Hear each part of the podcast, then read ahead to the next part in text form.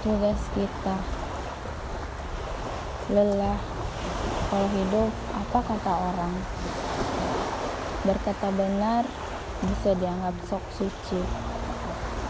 Berkata salah biasa dianggap sesat. Berbuat kebaikan dianggap pencitraan. Memberi dengan tulus disangka modus lupa memberi dikira kikir. Sukses didengki gagal dijauhi. Saat terkenal didekati. Sedangkan saat sudah tak terkenal dicampakkan.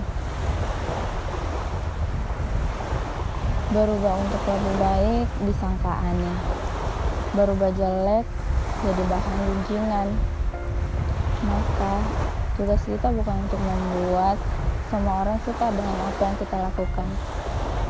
Tapi tugas, kita adalah agar Allah selalu suka dengan apa yang kita kerjakan. Jangan sebaliknya. Menaati makhluk dalam rangka bermaksiat dengan sang khalik. Karena janjinya jika kita berbuat baik kepada penduduk dunia maka penduduk langit akan mendoakan kebaikan pada kita.